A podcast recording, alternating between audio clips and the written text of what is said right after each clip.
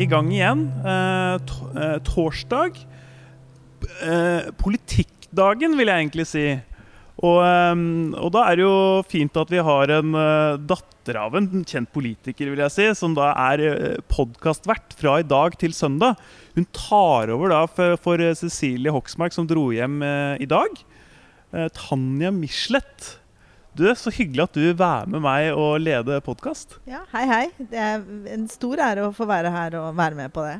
Ja, hvorfor i all verden sa du ja til det? Jeg er en venn av protestfestivalen, blitt etter hvert etter faren min vant Erik Byes minnepris, eh, som festivalen deler ut, i 2017. Ja, For, for å bare etablere det, hvem er din far? Ja, Han het, han het Jon Michelet. Ja. Og, og, hvem var han? Han var en eh, forfatter av 48 bøker og en kjent AKP-ML-profil, altså forløperen til Rødt. Og uh, journalist, Klassekampen-redaktør. Uh, og en, rett og slett en, en kjendis. Ja, det vil jeg si. En, eh, en, Markant samfunnsstemme. Ja, og, og, og, rød til han var død. Altså virkelig en representant for kommunisme i Norge, da. Selv om jeg alltid opplevde han som Det sa jeg til deg i morges, at jeg ja. opplevde han som ganske myk når jeg hørte han snakke Jeg husker jeg leste noen artikler med han i Vårt Land. Det, det var disse brevene som han sendte til eh, kristne etter at eh, han opplevde mye omsorg fra kristne i forhold ja. til egen sykdom. En bok, 'Brev fra de troende', ja. ja. Eh, som var et, en, en, bok til de troende som hadde bedt for han da han ble syk. Ja. Så han, han, han mildnet nok litt etter, etter, hvert, men han var absolutt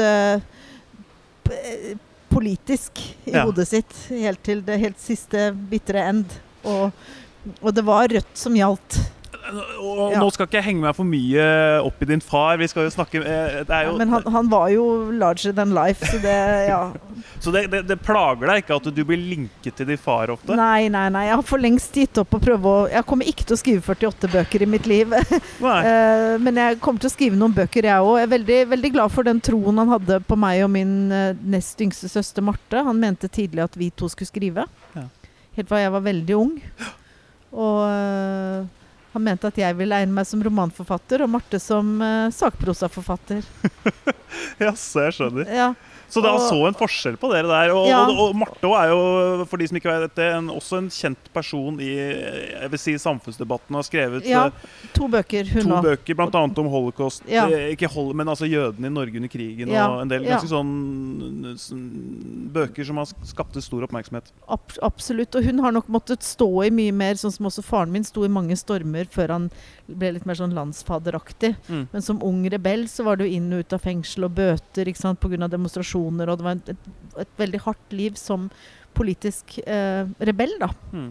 Og det har nok også Marte vært mer med på, som tidligere leder i Ungdom og sånt. Jeg har alltid vært en mer moderat person. Ja. Og kanskje mer filosofisk anlagt. Og jeg, jeg tok utdannelse, har en master i litteraturvitenskap, mm. og har gått den mer sånn akademiske veien. Og så skrev jeg debutromanen min i 2008 som het 'Afrika er ikke for alle'. Eh, og den kom ut åtte år etter Ari Behn på samme forlag. Ja, så jeg var litt i den, den, kretsen der, da, med de folkene der. Hvorfor skrev du om eh, Afrika? Fordi jeg har bodd der i mange år. Eh, vi, min far og hans eh, daværende kone har, dro til uh, Zambia for å gjøre frigjøringsarbeid for en frigjøringsorganisasjon. Veldig utrygt opplegg. Tok med seg meg og to søsken. Uh, og så uh, Han var misjonær på sitt vis? Ja, politisk. Så huset vårt var folk, fullt av ANC-folk, og det var bombetrusler, og det var helt crazy tider. Tidlig på 80-tallet.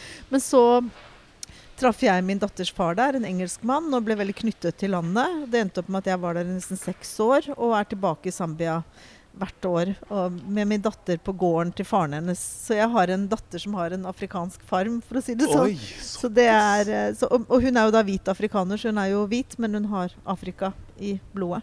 Så, så, det er Afrika ikke for alle var en uh, kritikk av kolonialismen, da.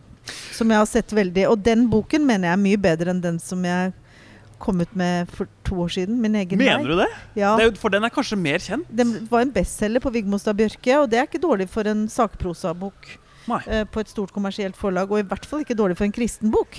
Mm.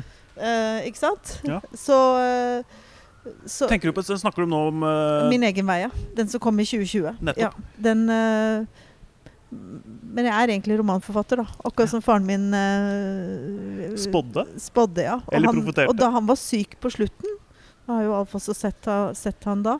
Så da han var på sykehjemmet, så sa han Gå hjem og skriv. Mm. Vær formidlere. Jeg er ferdig, jeg.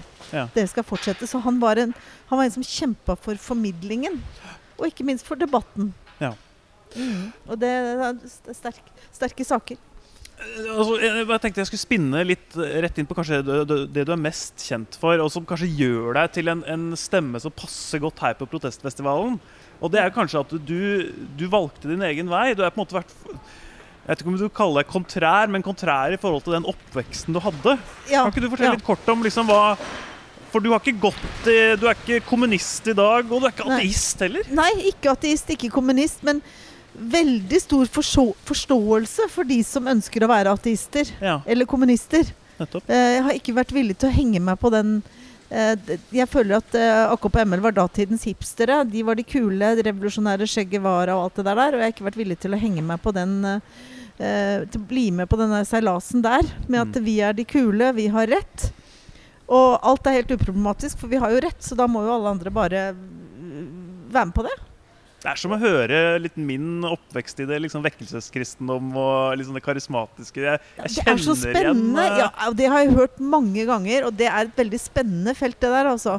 Og i den boka jeg skriver nå, som også er om AKP-ML, og som går på en personlig historie med meg og min mor inni AKP-ML, så, øh, så er det igjen det derre feltet, krysningsfeltet mellom religion og politikk. Mm. Og litt ekstreme bevegelser, religion og politikk, og hvor likt det er. Som du sier, da, at du kjenner igjen. Apropos eh, ekstreme bevegelser. I dag så lytta vi begge til en, eh, Ja.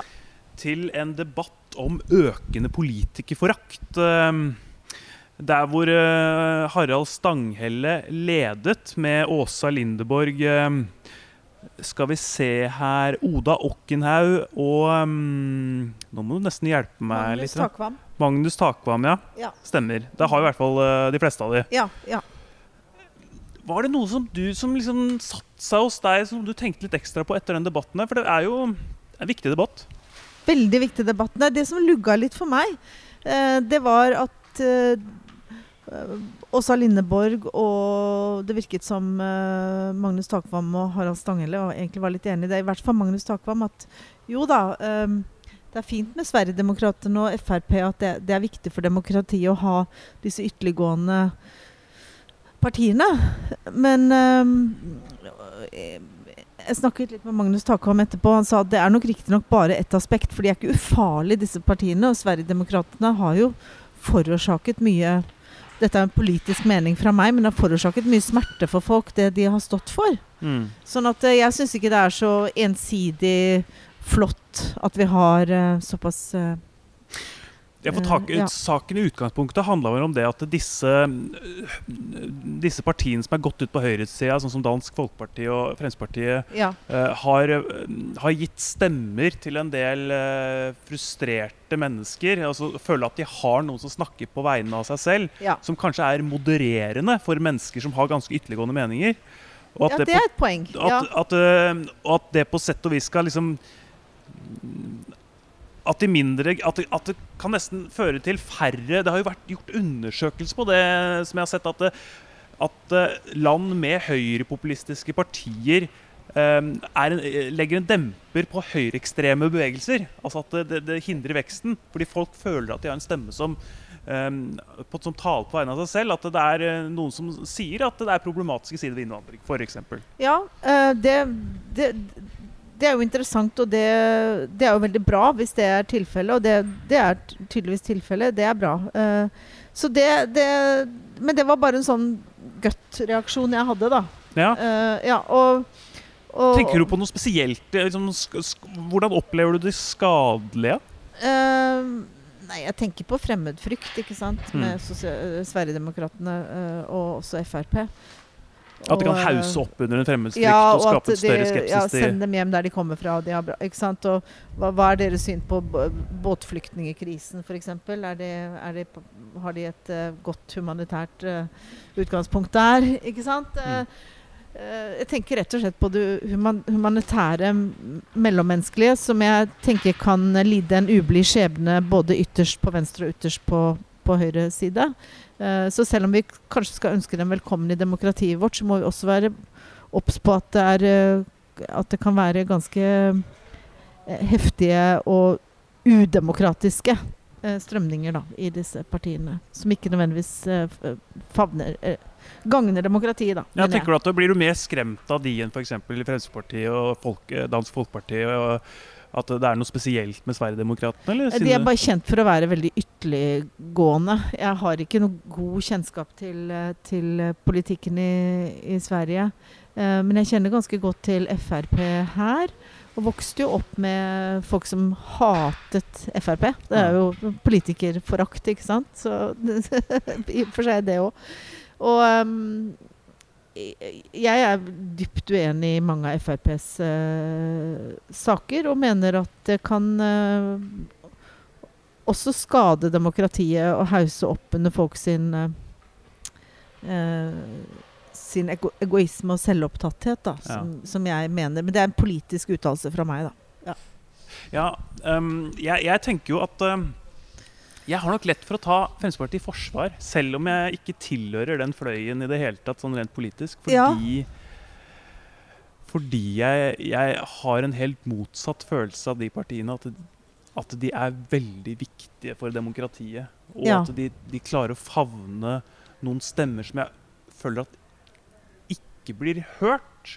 Og at det at eh, de partiene eksisterer, skaper mindre politikerforakt. fordi da føler de at Da opplever de at uh, her er det noe som taler min sak. Altså, det er faktisk noen på, på Stortinget som, uh, som, gir, som, gir, meg en stemme. Som, som, klarer å sette ord på de bekymringene jeg sitter med, liksom, og som jeg opplever som viktige. Og, og, ja, det kan jeg se. Og ta ja. med det i debatten, på sett og vis. Ja, ja.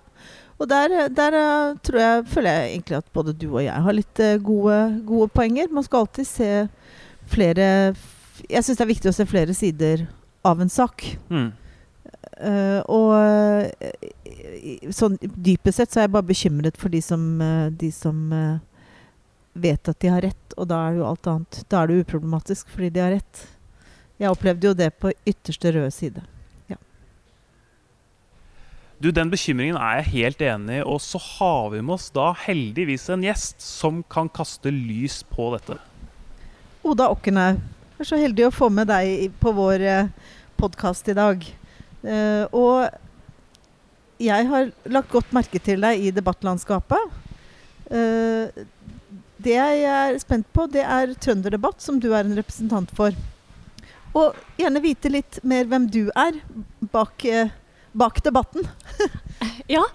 Trønderdebatt det er ei debattavis som er et samarbeidsprosjekt mellom flere aviser i eh, Trøndelag. Så da ja. er det Trønderavisa, Nidaros, Arbeidets Rett og Namdalsavisa som har gått sammen om å skape en sånn felles debattplattform. Og ja.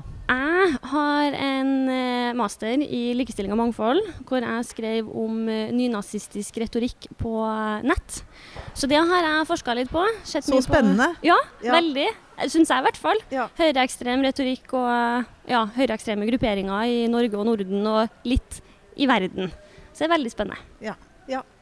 Uh, og nå er du, er det, du jobber i Trønderdebatt, eller er du leder av det, eller er du bidragsyter? Jeg er Stillinga mi er kommentator og debattansvarlig. Så vi ja. er to stykker som jobber i Trønderdebatt. Det er jeg, og så er det sjefen min Snorre Valen. Så han ja. er redaktør. Ja. Mm. Og så begynte jeg i, desember. Så jeg har, ja. har jobba der en stund, men jeg har fortsatt mye å sette meg inn i og lære. ja. takk.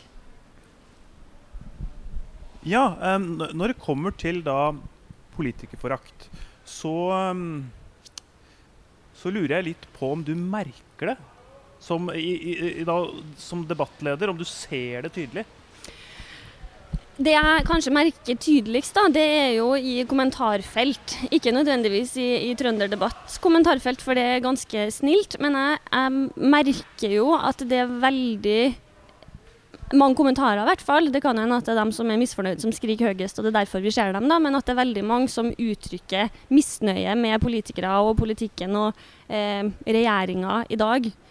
Men sånn I Trøndelag så, så, merker jeg at det er Jeg vet ikke om jeg ville ha kalt at det var sånn utprega eh, politikerforakt i Trøndelag og trønderdebatt. Det vet ikke jeg om jeg vil si. Nei. Men um, hadde du noe på hjertet? Greier jo nesten ikke å komme utenom om Giske, da. altså, han er jo trønder, tross alt. Ja, men, men, men, eh, det kan jo ikke du noe for. Nei, nei, det kan ikke jeg. Men det er litt interessant at du nevner det, for jeg hadde en kommentar eh, eh som jeg publiserte i går, hvor jeg skrev om eh, ikke egentlig Trond Giske, da, men ei sånn Facebook-side som heter støtte for han. Oh, og han, ja. Det er jo mange forskjellige typer Facebook-grupper, men akkurat den jeg skrev om, den har 10 000 medlemmer. Eh, og Adressa laga en sak på det nå om at det har vært mye kommentarer hvor andre Arbeiderpartipolitikere blir kalt for Quisling og Judas og landssviker og, og den type eh, begrep. da.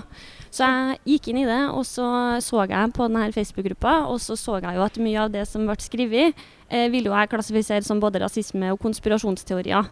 Så det er litt sånn spennende, og særlig med utgangspunkt i eh, PSTs trusselvurdering for 2022, så står det at altså Arbeiderparti-hat da, eh, regner de med blir mer synlig i høyreekstreme miljøer nå når eh, Arbeiderpartiet er det største partiet i regjering.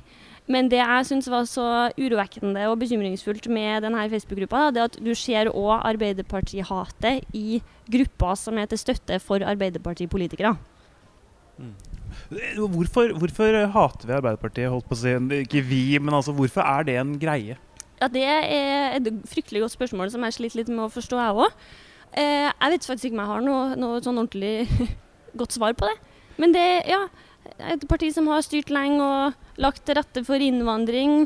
Eh, og det har jo vært eh, ja, Da kommer vi jo ikke unna å snakke om 22.07. Mm. Eh, denne konspirasjonsteorien om at muslimer tar over Europa, og at det er Arbeiderpartiet som er en sånn indre fiende i Norge da, som legger til rette for eh, muslimsk innvandring. Altså det er jo, Sånn som jeg forstår det, så handler mye av det her Arbeiderpartiet-hatet mm.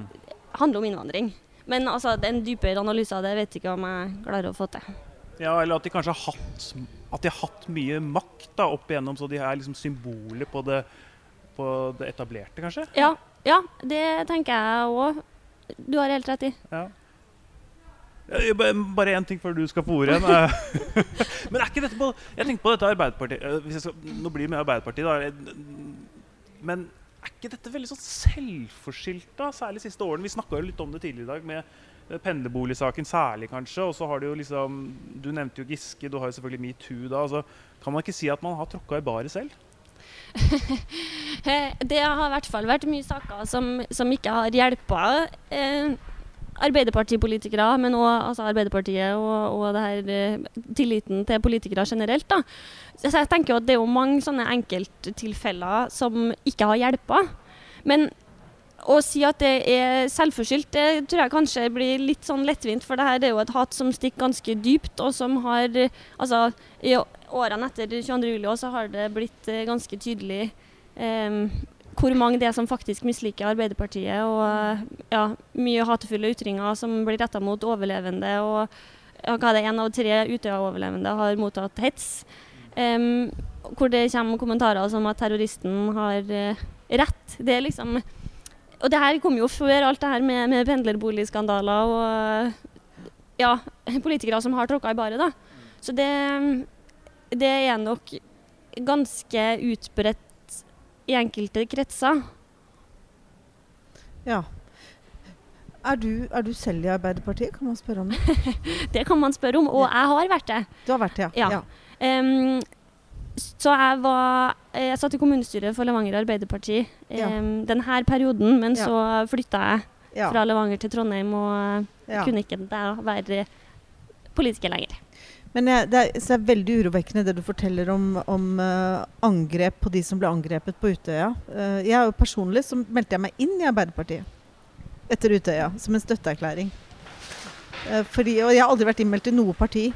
Og jeg er der fortsatt. Så det er også Vi er mange lojale støttespillere også.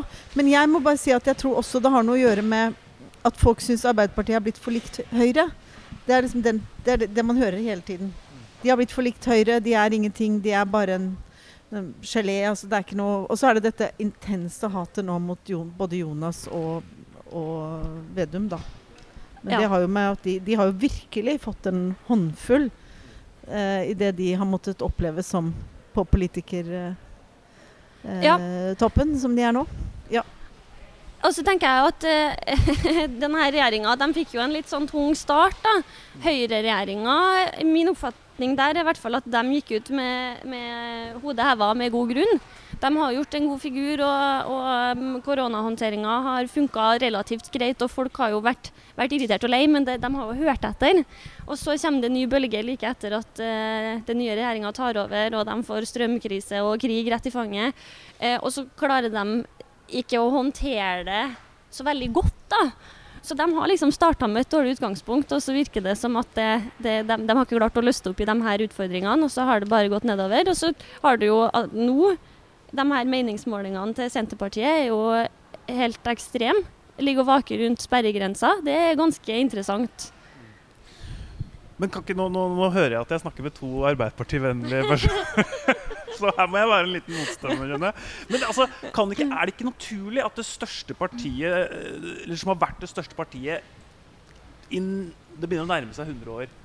eh, Og hatt makta i veldig mange av de årene. Er det ikke naturlig at de får og kanskje sunt at de også har de høyeste øh, Får mest tyn. Altså har mange og sterke kritikere. Er ikke det liksom en sunnhet for demokratiet? Og, og i så fall, når går det over til forakt? Da, som liksom, det er derfor jeg er litt sånn skeptisk til hva som at, Jeg er litt redd for at vi kaller alt forakt. da. Ja, ja det, det skjønner jeg veldig godt, at du er, og det, det tenker jeg at det er sunt. Og jeg tenker også at det hadde vært, det satt jeg tenkt på i den debatten vi hadde i stad, at det hadde vært veldig greit å definere Altså, vi definerte politikerforakt, men hva er forskjellen på politikerforakt og politikerhat? Em, og hva, ja, som du sier, hva er forskjellen på forakt og kritikk, da? Eh, og jeg er helt enig med deg i at Arbeiderpartiet fortjener mye kritikk. Men det som nå tenkte jeg at jeg skulle si at det som kanskje er forskjellen, er, er den her mengden hets de får. Og det vet ikke jeg om jeg er belegg for å si, da. Altså MDG, politikere, mottar fryktelig mye hets, dødstrusler.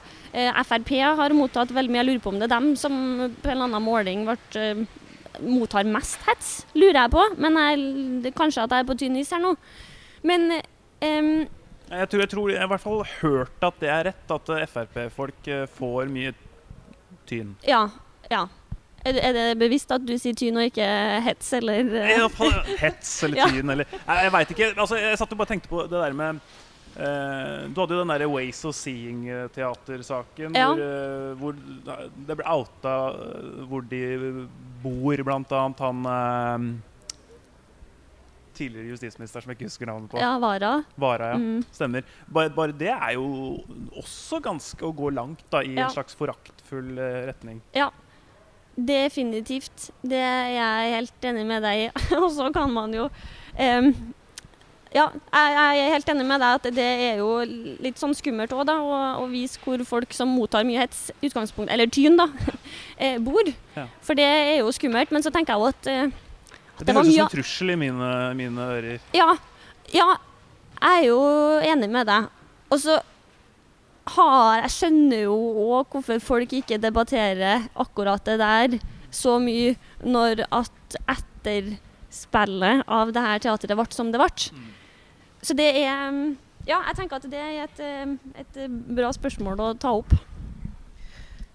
Jeg hadde ikke kjennskap til det med Ways of Seeing, så det, det må jeg høre mer om eh, etterpå av dere. Eh, men eh, jeg vokste opp, eh, som jeg har fortalt alle her i dag, eh, Jakob og ML-miljøet, som nå er rødt. Der var det veldig intenst hat mot særlig Frp, som også gikk på person. Raseri og hat ja, mot Carl I. Hagen og Så det er ikke sikkert at alt dette er nytt. Det er ikke sikkert at alle disse, disse strømningene er nye. Ja, og jeg, jeg, jeg trodde også at dems øh, Og det snakka vi jo ved frokosten i dag, vi to. Altså, det var ikke hatet fra AKP-ML nesten like sterkt mot andre, mer milde venstreorienterte grupper? Sånn som Arbeiderpartiet og SV og sånne ting. Fordi de på en måte var øh, litt svikere av marxismen. Da. Ja, de, ja, em, Ja, men Frp var Det var jo eh, virkelig store, stygge ulven. Og de andre var sånn feige medløpere, nærmest.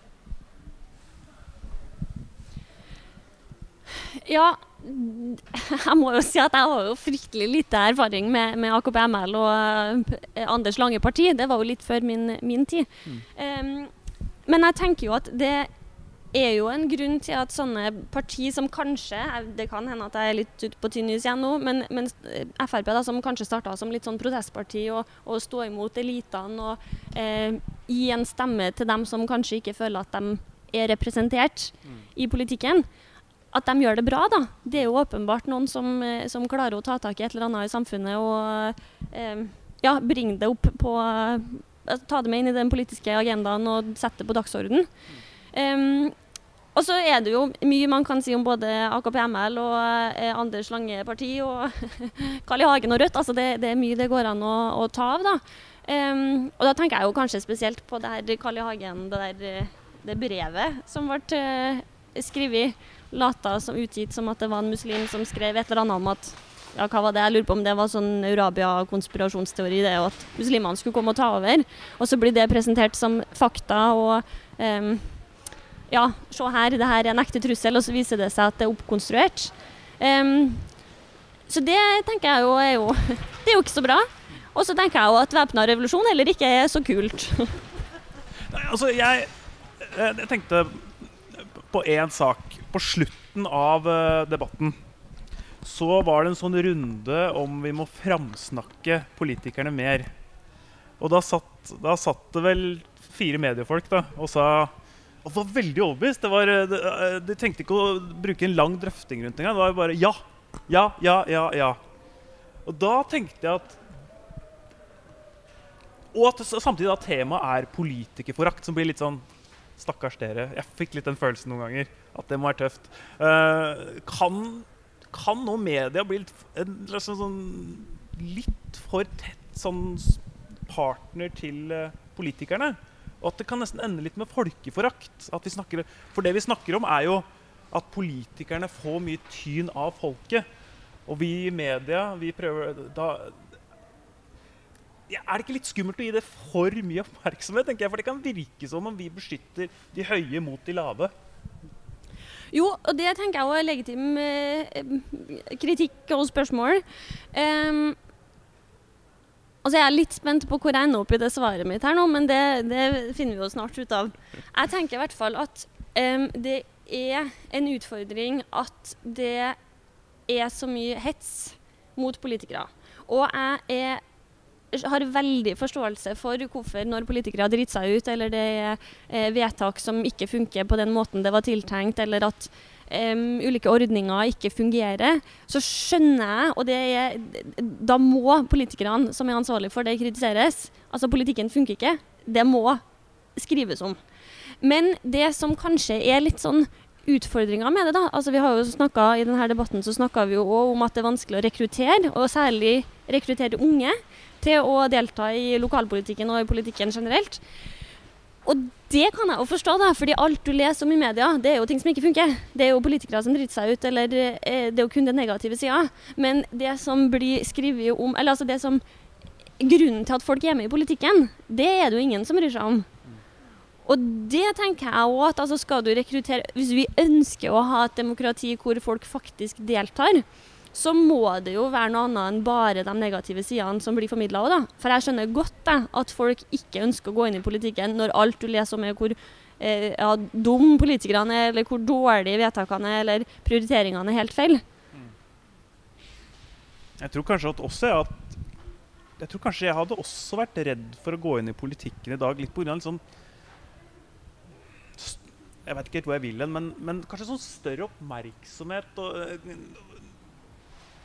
med tanke på sosiale medier. Litt sånn kanselleringskultur, egentlig. At det, eh, hvis jeg hadde vært f.eks. Fremskrittspartipolitiker, eller uh, sympatisert med dem, så hadde jeg tenkt at hvis jeg hadde gått inn i et politisk parti, så hadde det, eh, eller i det politiske partiet, så hadde det vært Det hadde stått ved meg resten av livet. da. Det hadde vært liksom Internett, liksom Google, et Google-søk unna, og så veit jeg at en arbeidsgiver da liksom kunne googla seg fram til at han er stemt fra Fremskrittspartiet. da. Eller, eller Rødt og la oss si at han arbeidsgiveren stemmer noe annet, så hadde jeg tenkt at jeg gir meg selv dårligere odds hvis jeg har vært medlem i et parti. Altså, det kan jo være at arbeidsgiveren syns at det Hvem vet om han har sympati eller antipati ved det, ved det partiet? Gir det mening, eller? Ja, det gjør det. Eh, men så tenker jeg jo at hvis det faktisk er sånn altså Jeg skjønner at det er forskjell på det som er, er virkeligheten og det man kan oppfatte eller tenke at det er. Eh, men dersom det er virkeligheten, så er jo det òg et demokratisk problem. For da vil jo arbeidslivet være med å utestenge folk fra å delta i politikken som skal være med å forme arbeidslivet. Så det er, det er skummelt.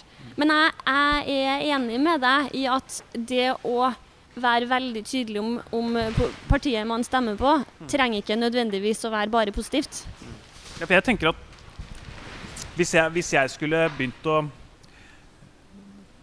ja, sorry, nå, nå, skal du få lov å ta ordet, Tanja. Nå, nå har jeg hatt ordet nok. Uh, nei, men jeg tenker at jeg hadde vært ganske Jeg hadde hatt det som hmm, Jeg tror jeg hadde vært mer bevisst på det i dag enn jeg har vært før. Hva slags parti jeg velger å gå ut med at jeg stemmer. Um, Pga. jobbmuligheter, rett og slett. Og, og det, må, det tenker jeg at er et problem. da. Jeg vet ikke hva du ville, Tanje? Jo, nei, eh, bare veldig kort først så hadde jeg egentlig lyst til å spørre om dette med Resett eh, og dokument.no. ikke sant? Og om det er disse ekstreme eh, ja, uh, nettstedene som, som, som, drar det hele. Uh, ikke sant? Er det det, eller er det mainstream media som, som er med og hauser opp politikerforakten? Nå sa jo du nettopp at det virket som disse mediefolkene i dag var imot politikerforakt. Ja, men, men, men er Altså, hva, hva tenker du er ja, Er det de ekstreme nettstedene, eller er det mainstream som, som er med i, på å prege dette bildet? Jeg tenker jo det er en, en, en blanding, og ikke et sånn svart-hvitt svar. Eller, altså, det er mye som, som er med å, å forme eh, ja, media og måten vi oppfatter politikere på. Da. Men jeg tenker at mitt inntrykk er at den norske pressen er ganske redelig. Altså, det, det er ikke så veldig ofte at jeg, at jeg tenker at at saker blir blåst ut av proporsjoner, eh, eller at, at, det blir laga storm i vannglass. Altså Innimellom så er det jo det. Men det jeg tenker med de her eh, alternative mediene, da, eh, både dem du nevnte, men òg altså, det er mye annet òg, de her høyreekstreme som jeg har drevet og forska på, f.eks., de har jo en sånn nettavisetterligning. Og eh, jeg kan mye mer om den nettsida enn en dem, eh, altså Resett og Dokument og, og Rights.no. Men det jeg ser der, da, det er jo at de aktivt går inn og prøver å lure folk til å tro at det her er mainstream media som har laga saken, og så endrer de på enkelte ting, som f.eks. hvis det står eh, innvandrer, da, en sak jeg skrev om. Eh, Regjeringa syntes at det var for få innvandrere som var i jobb, så nå skulle de eh, ha liksom en sånn anonym jobbsøking. Så publiserer de den den artikkelen, og så endrer innvandrer med ikke-nordmann. Det er fake news? Uh, nei, altså det er jo ja, Det er ja. ekte, ekte, news, men med ja. ja så målsettinga er jo å lure folk da, til å tro at det her er, er ekte greier. Og, eh, og de går jo ganske langt. altså de, de, publiserer jo sånne artikler som står på NRK, da, men de velger jo kun dem som er med å gagne deres perspektiv og virkelighetsforståelse. Og jeg, uten at jeg skal sammenligne liksom, en nazistisk nettside og eh, de, altså dokumenter, så tenker jeg at, at det, er, det, er, kanskje litt det her med at eh, det er enklere å publisere ting når du, når du er en sånn her alternativ medie som skal være imot elitene og eh, veldig sånn her opptatt av å fortelle det mainstream media ikke forteller, så er det jo ja. enklere å, å, gå til mer sånne ekstreme lengder, og du velger vinklinger på artikkelen ut ifra hva som passer ditt syn, og hva det er du ønsker å formidle, i større grad enn det mainstream media gjør. da. Ja. Så var det litt til deg, eh, egentlig, Karl. At uh, jeg, jeg, tenker at det er veldig betimelig det du, det, det du sa om at uh, man kan være redd for å oppgi politisk tilhørighet pga. Av at man kan være redd for Ja, overvåkning, det er jo én ting, men ja, at man ikke skal få jobb osv. Og, så og sånn kan vi jo ikke ha det i et demokrati. Min far, som var forfatter og aktivist, han ble overvåket av både Arbeiderpartiet, Høyre og skiftende regjeringer i over 20 år. Fikk 80 000 i erstatning etter å ha vært overvåket i 20 år. Og en sånn gjennomklippet file liksom, hvor han ikke fant ut egentlig noen ting. Og var jo også nærmest arbeidsnekt. Eh, kan vi være helt sikre på at det ikke er sånn i dag? Spør jeg egentlig deg. Du må gjerne svare først, for den her trenger jeg å tygge litt på. um, altså, jeg kan jo oppgi at Jeg bør jo egentlig ikke oppgi det, da, men i hvert fall Jeg har i hvert fall vokst opp da, med en slags sympati overfor KrF. Uh, faren min har vært aktiv i KrF, og selv om han har bytta litt partier han, altså Mamma har vært um, vel stort sett alltid stemt i, nesten. Så jeg uh, Men jeg tror nok at nå er jo ikke det aktuelt siden jeg jobber som journalist, uh, så, men jeg tror nok at jeg hadde skjult det uh, hvis jeg var ved tanke på at jeg skal søke jobb. Og jeg tror nok også at jeg hadde tenkt meg nøye om før jeg ble med i det partiet. Da, hvis jeg ikke hadde jobba som journalist. For da, da, er jo ikke det aktuelt uansett. Men ja, jeg har tenkt litt på det at det, jeg tror nok det hadde hindra meg veldig i å um, bli aktiv i um, særlig et sånt type parti, som er litt småkontroversielt, det òg, da.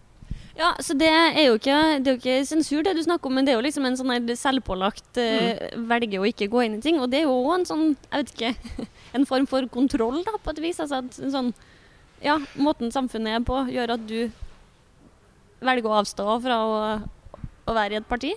Ja, jeg husker Jeg vet ikke om det var i, i dagen den avisa jeg jobber i, eller hvor vi skrev om det at det, nå skulle jeg ønske at jeg gjerne kunne sitere korrekt og sitere rett kilde, men jeg vet at jeg, jeg, leste som forskningsrapport da, om at eh, de unge i dag legger mye mer bånd på seg enn det tidligere generasjoner har gjort.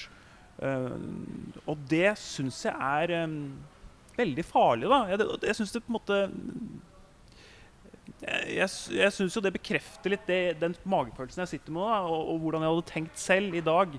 At jeg hadde vært litt sånn tenkt meg enda en gang om før jeg hadde meldt meg inn i et politisk parti. Ja, og jeg, jeg, tror nok at det er ganske eh, logisk å tenke at grunnen til at ungdom i dag er så opptatt av å på en måte ikke ja, ikke lage så mye styr av seg sjøl.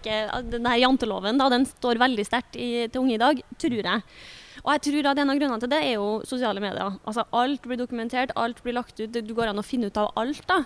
Og det òg er kanskje sånn her, Nå har jeg brukt ordet mye, da, men demokratisk utfordring. Det her at altså, unge er så redd for å eh, skille seg ut at de velger å bare gjøre sånn som resten. Det blir sånn konformitetssamfunn blant den oppvoksende generasjonen, muligens. Ja, jeg må bare si at jeg, jeg syns det, eh, det var kjempehyggelig at du, kunne, at du, tok deg tid til oss. Ja.